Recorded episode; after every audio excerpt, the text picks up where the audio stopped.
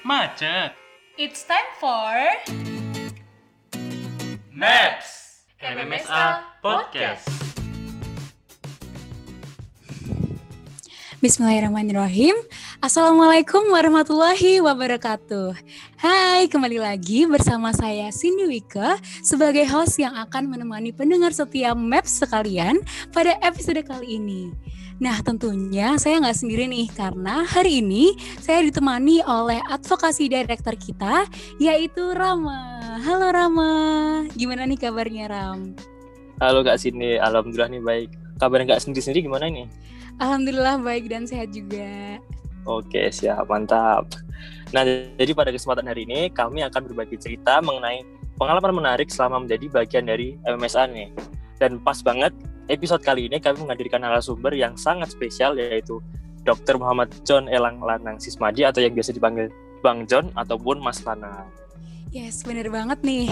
Bang John merupakan alumni dari Student Exchange Committee MMSA UMY batch 2011. Beliau juga merupakan advokasi director dari MMSA UMY pada tahun kepengurusan 2012 hingga 2013. Kita sapa dulu yuk. Assalamualaikum Bang John. Waalaikumsalam. Hai.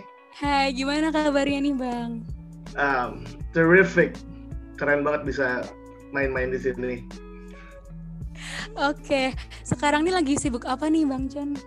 Lagi sibuk um, bikin YouTube aja sama main Pokemon Go. Oke mantap kita punya narasumber spesial nih Bang John ini juga merupakan youtuber kebanggaan alumni MMSA nih. Yeah. yes, silakan lanjut Ram. Oke, jadi uh, sebelumnya ini Bang John ini selain seorang YouTuber juga seorang trainer Pokemon ya Bang? Yes, bener banget. Wah, mantap Bang, ini spesial banget nih oh, narasumber kita pada kali ini.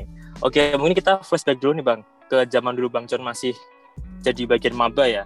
Jadi pada awalnya itu apa sih yang membuat Bang John memutuskan untuk bergabung ke MSA nih Bang? Oke, waktu masih mahasiswa baru ya, waduh.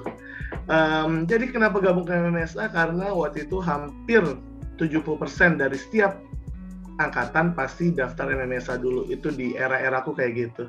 Aku termasuk yang 70 persen ikut-ikutan itu dan waktu itu nggak niat banget. Bener-bener kayak waktu itu uh, application formnya kalau nggak salah dibuatin teman waktu itu dan dikumpulin dia juga terus tiba-tiba ya udah deh ikut aja deh kayak gitu doang sih kayaknya nggak ada yang spesial banget Oke jadi memang alasannya sederhana tapi ternyata setelah masuk ke MMSA, Bang Jun berani untuk aktif bahkan menjadi official di dalamnya ya Bang ya. Nah terus mau tahu nih Bang, selama mungkin waktu awal nih masih menjadi member sebelum menjadi official, kira-kira uh, pengalaman apa aja sih yang udah didapat oleh Bang Jan ini selama jadi member? Oke, jadi pas jadi member sebenarnya sih uh, waktu itu member uh, Seko ya, karena emang waktu itu sebenarnya milihnya antara antara Seko atau Seko nggak ada milih yang lain. Maksudnya kayak fokus kedua itu. Tapi waktu itu pas lagi wawancara bareng Seko dan Reko kalau nggak salah kok di Reko kayak sebenarnya lebih lebih apa ya lebih uh, santai lebih cheerful gitu. Di Seko lebih cool cool gitu orangnya. Waktu itu ada uh, abang-abang saya juga Bang Giri sama Bang Tama itu mereka waktu itu masih jadi um, minisnya um, ya waktu itu um, akhirnya pas masuk Seiko pertama kali itu ikut match eh no no non match tuh. Ada namanya Convex dulu ada namanya Convex. Jadi kita kayak ke SMK buat kayak kegiatan masak-masak gitu sama uh, exchange student kita waktu itu dari mana ya? Aku lupa pokoknya negara vege vegetarian gitu. Kayak gitu. Dan waktu itu uh, awal-awal sebelum jadi official paling yang paling kita agak berat waktu itu bikin HBD MMSA ya dulu jadi corporate cup dan dapat anggota cowoknya cuma satu sisanya cewek dan dua cewek itu malah bantuin ke divisi uh, publikasi dekorasi. Jadi kayak oh my god. Uh, waktu itu benar-benar per cupnya cuma berdua sama Roshidul. Sekarang dia udah jadi uh, juragan kopi terkenal banget di Tulungagung dan benar-benar uh, karena yang cewek waktu itu bantu dekorasi karena emang dekorasinya kekurangan orang juga sebetulnya. Bukan karena emang mereka nggak tahu kerjaan mereka tapi emang ya seperti itulah nggak ada hal spesial bener-bener. Oke, eh, dulu Bang John juga daftar sebagai official Bang sebagai advokasi director. Nah, sedangkan Bang John ini kan awalnya tadi bilang kalau masuk MSA cuman ikut-ikut 70% orang seneng-seneng itu. Nah, itu sebenarnya motivasi apa sih Bang yang bikin Bang John yakin banget buat daftar official gitu Bang? Oke, ini menarik banget sih. Jadi tahun kedua benar-benar nggak ada kepikiran buat jadi official sedikit pun. Jadi tahun kedua itu benar-benar pas orang-orang pada bikin uh, application form buat jadi official yang untuk di GM GM berapa sih itu jadi? GM satu ya GM satu tahun pertama saya. Uh, saya nggak bikin saya nggak nggak nggak nggak ngajuin nggak ngajuin sama sekali untuk jadi official uh, official. Dan uh, waktu itu karena uh, karena kosong jadi waktu itu MMSA ada beberapa uh, official baru job baru yaitu AD FNMD sama VPE. Jadi uh, dulu cuma ada vice president terus dibagi dua jadi yang external sama internal. Terus um, yang eksternal jadinya ya. Waktu itu kosong di uh, FNMD external v, eh, sama uh, AD. Sebenarnya sama satu lagi kalau nggak salah uh, sekjennya kosong. Ya tapi sekjen udah lama. Maksudnya tempat itu kosong. Dan waktu itu akhirnya uh, ministry saya waktu itu uh, Pupu uh, kayak bilang John please dong di Seko nggak ada sama sekali kita backupan cuma kita doang berdua ministry dan sejujurnya itu emang kita dulu tuh bisa dibilang skoism sih tapi maksudnya kita saling backup aja antar keluarga kita karena emang sebelum menjadi keluarga MMS uh, saya selalu prioritasin Seko dulu. Mungkin member-member baru yang baru dengar bakal ngira ini skoism tapi enggak guys. Karena skoism itu cuma sebuah pemikiran dan sebenarnya itu membuat kalian lebih cinta sama MMSA karena kalian dari rootnya terlebih dahulu sko kalian.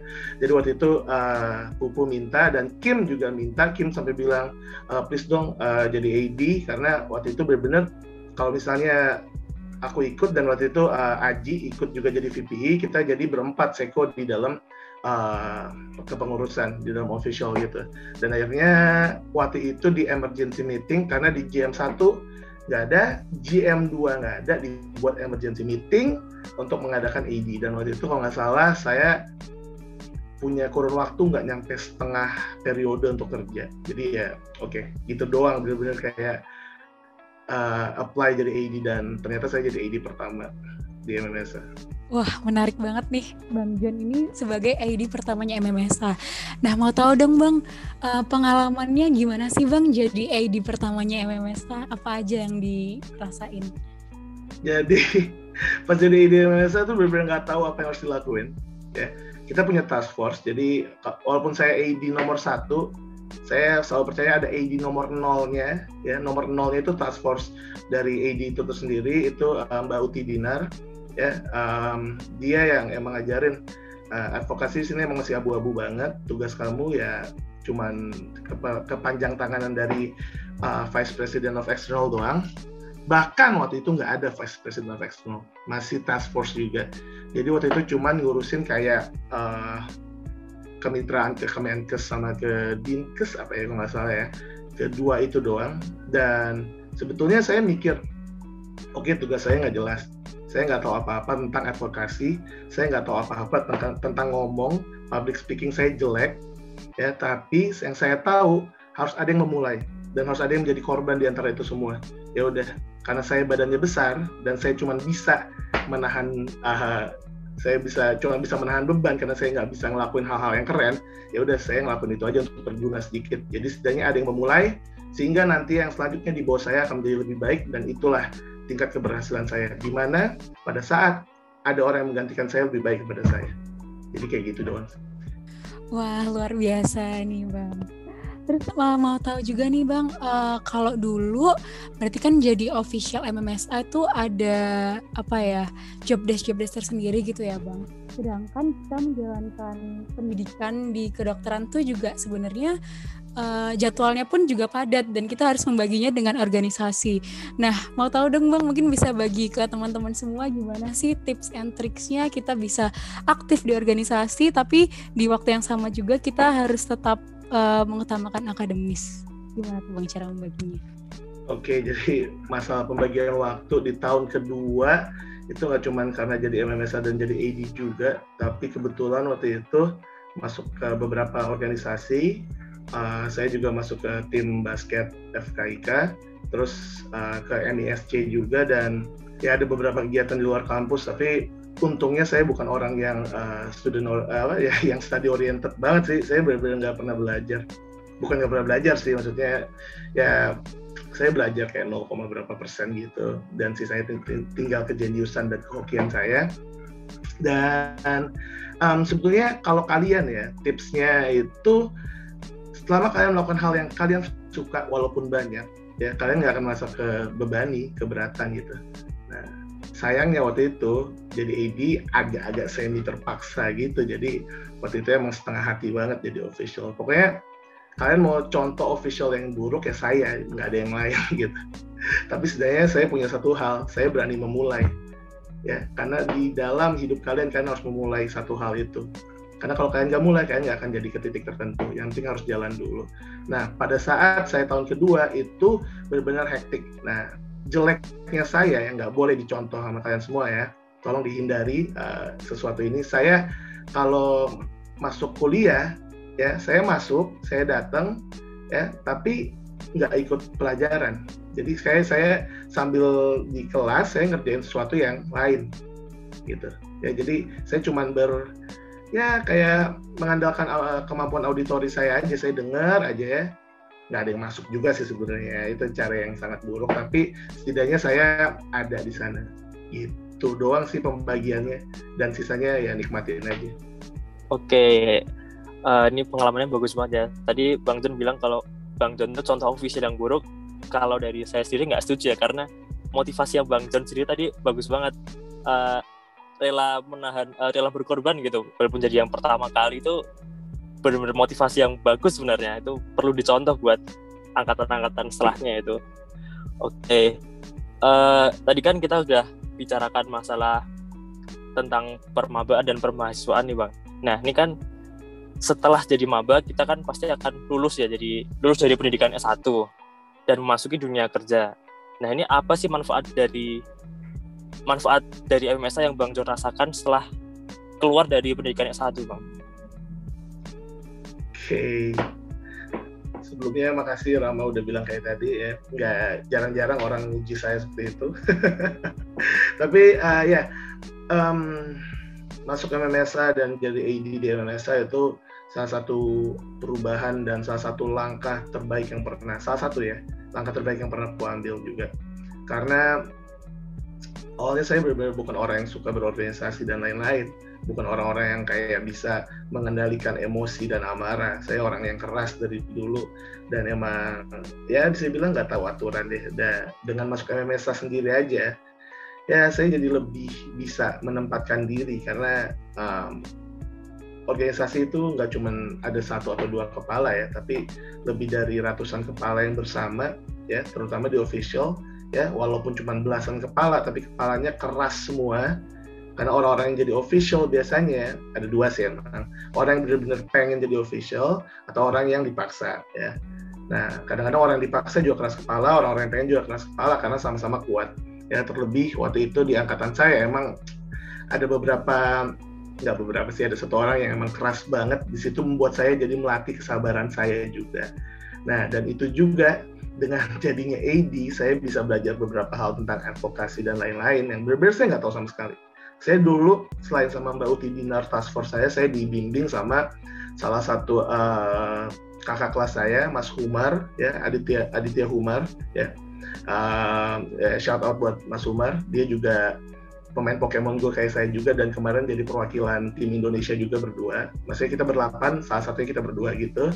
Dan uh, dia yang ngajarin saya tentang advokasi apa itu advokasi, gimana caranya, gimana caranya.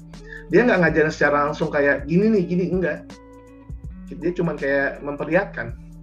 Ya, kadang-kadang saya bukan orang yang bisa diajari dengan eh sini ini tuh harus gini harus gini enggak ya saya lebih melihat orang ya dengan cara gimana dia bertindak dan itu juga yang membuat saya dan dia berpartner untuk di tahun ketiga saya eh maaf tahun ketiga ya tahun kedua saya dan tahun ketiga dia untuk membuat pro, salah satu pro, project terbaik Cimsa pada saat itu melodical dan waktu itu ya lumayan berhasil walaupun Umar harus banting tulang dan saya santai-santai aja. Jadi waktu itu emang Umar yang kerja 80%, saya 20%. Kalau dibagi antara kita berdua ya.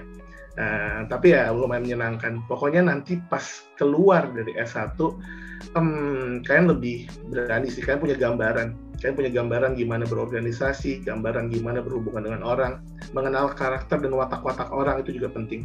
Dan yang terlebih penting adalah kalian punya keluarga baru. Itu yang akan bisa diganti sama pengalaman apa pun sih, keluarga baru itu.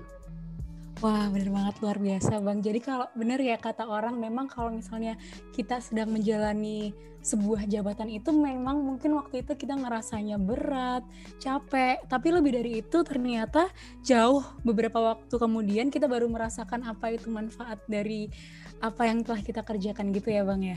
Yes. Oke, sip. Ini uh, selanjutnya kita mau ini dong, Bang, mau tahu dan uh, berbagi ke teman-teman pendengar map sekalian uh, sebenarnya kata-kata apa ya kata-kata motivasi yang selalu Bang John pegang hingga sekarang apa nih Bang? Hmm, saya selalu uh, percaya sih kalau sebelumnya saya mau nanya dulu ke kalian secara medis kapan orang dinyatakan meninggal? Saat sudah mati batang otaknya. Oke. Okay. Tapi sebetulnya kapan orang dinyatakan mati atau meninggal? Apakah pada saat dia ya tadi mati batang otak apa pada saat dia ditembak jantungnya? Apa pada saat dia terkena penyakit mematikan yang tidak bisa disembuhkan? Atau saat dia minum minuman beracun? Apa yang dibilang mati? Apa yang dibilang disebut orang itu sudah meninggal Oke, jadi sebenarnya orang meninggal atau orang mati itu bukan karena jantung dia tidak berdetak, dia ditembak di jantungnya, dia punya penyakit matikan, dia minum minuman beracun. Tapi orang itu mati atau meninggal pada saat dia dilupakan di muka bumi. Tidak ada satu orang pun yang mengenal dirinya lagi, mengenang dirinya lagi. Karena walaupun jasad kita meninggal, ya pada saat kita masih dikenang orang lain, kita masih dikenang, diingat, ya dipuja orang lain, masih diceritakan orang lain, kita akan hidup selamanya nama kita akan hidup selamanya. Albert Einstein, kalian kenal? Stephen Hawking, kalian kenal? Oke, mungkin mereka jasadnya udah nggak ada, tapi kita tetap mengenang mereka. Ya, kalian kenal Nabi Muhammad SAW? Yes. Iya, bang. Kalian akan selamanya mengenal dia, ya, karena mereka tidak pernah dilupakan dan mereka akan terus hidup ya di pikiran kita, di di, di in our heart, oke. Okay? Jadi mungkin itu kata-kata motivasi. Jadi kalian mau kalian harus jadi orang yang selalu dikenang orang, walaupun cuma satu orang, karena satu orang itu akan menceritakan ke anak-anaknya, anak-anaknya akan menceritakan ke anak-anaknya lagi, ke cucu-cucunya, ya, dan terus ke cicit-cicitnya dan mengenang kalian.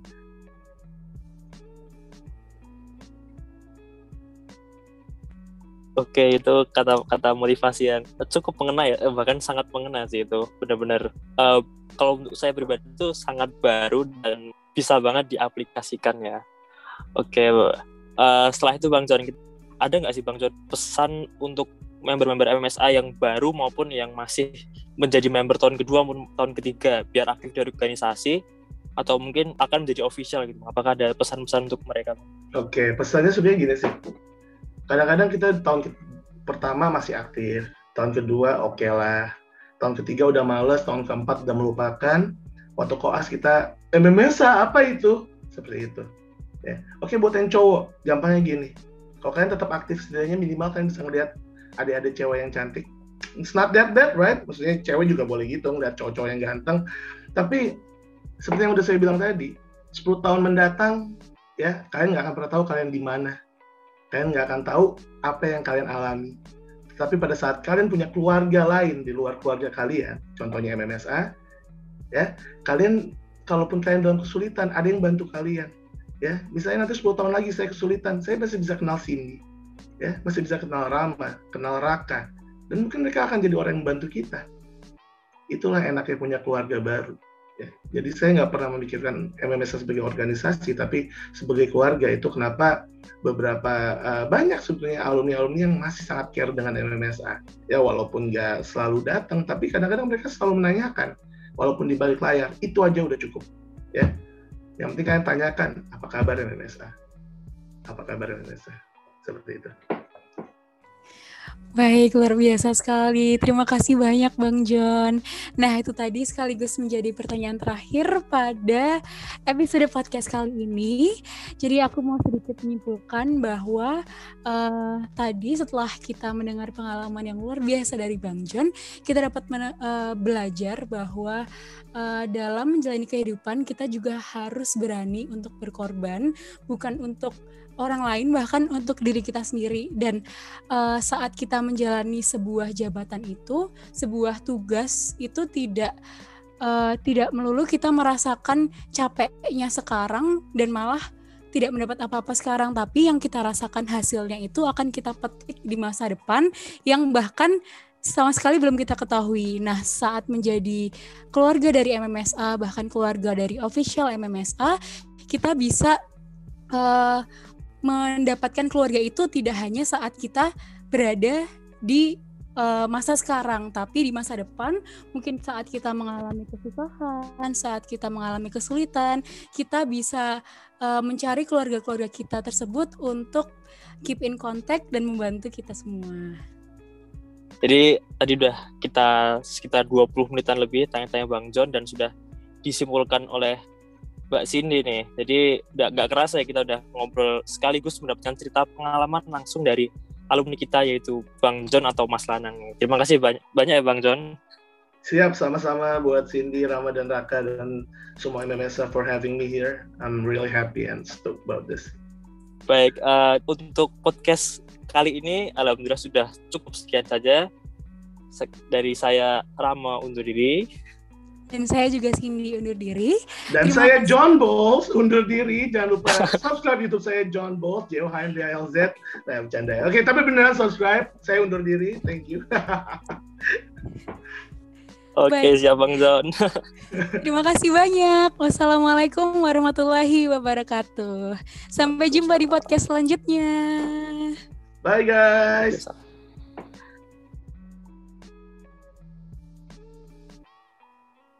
How's it going, bro? This is John Bowles here. Bruh, jangan lupa buat subscribe YouTube John Bowles, J-O-H-N-B-A-L-Z. Dan nantikan semua video-video seru lainnya. Ada waktu belajar John Bowles, waktu makan John Bowles, waktu jalan-jalan John Bowles, dan waktu PVP John Bowles. Bruh, stay tuned. I'm out. Peace.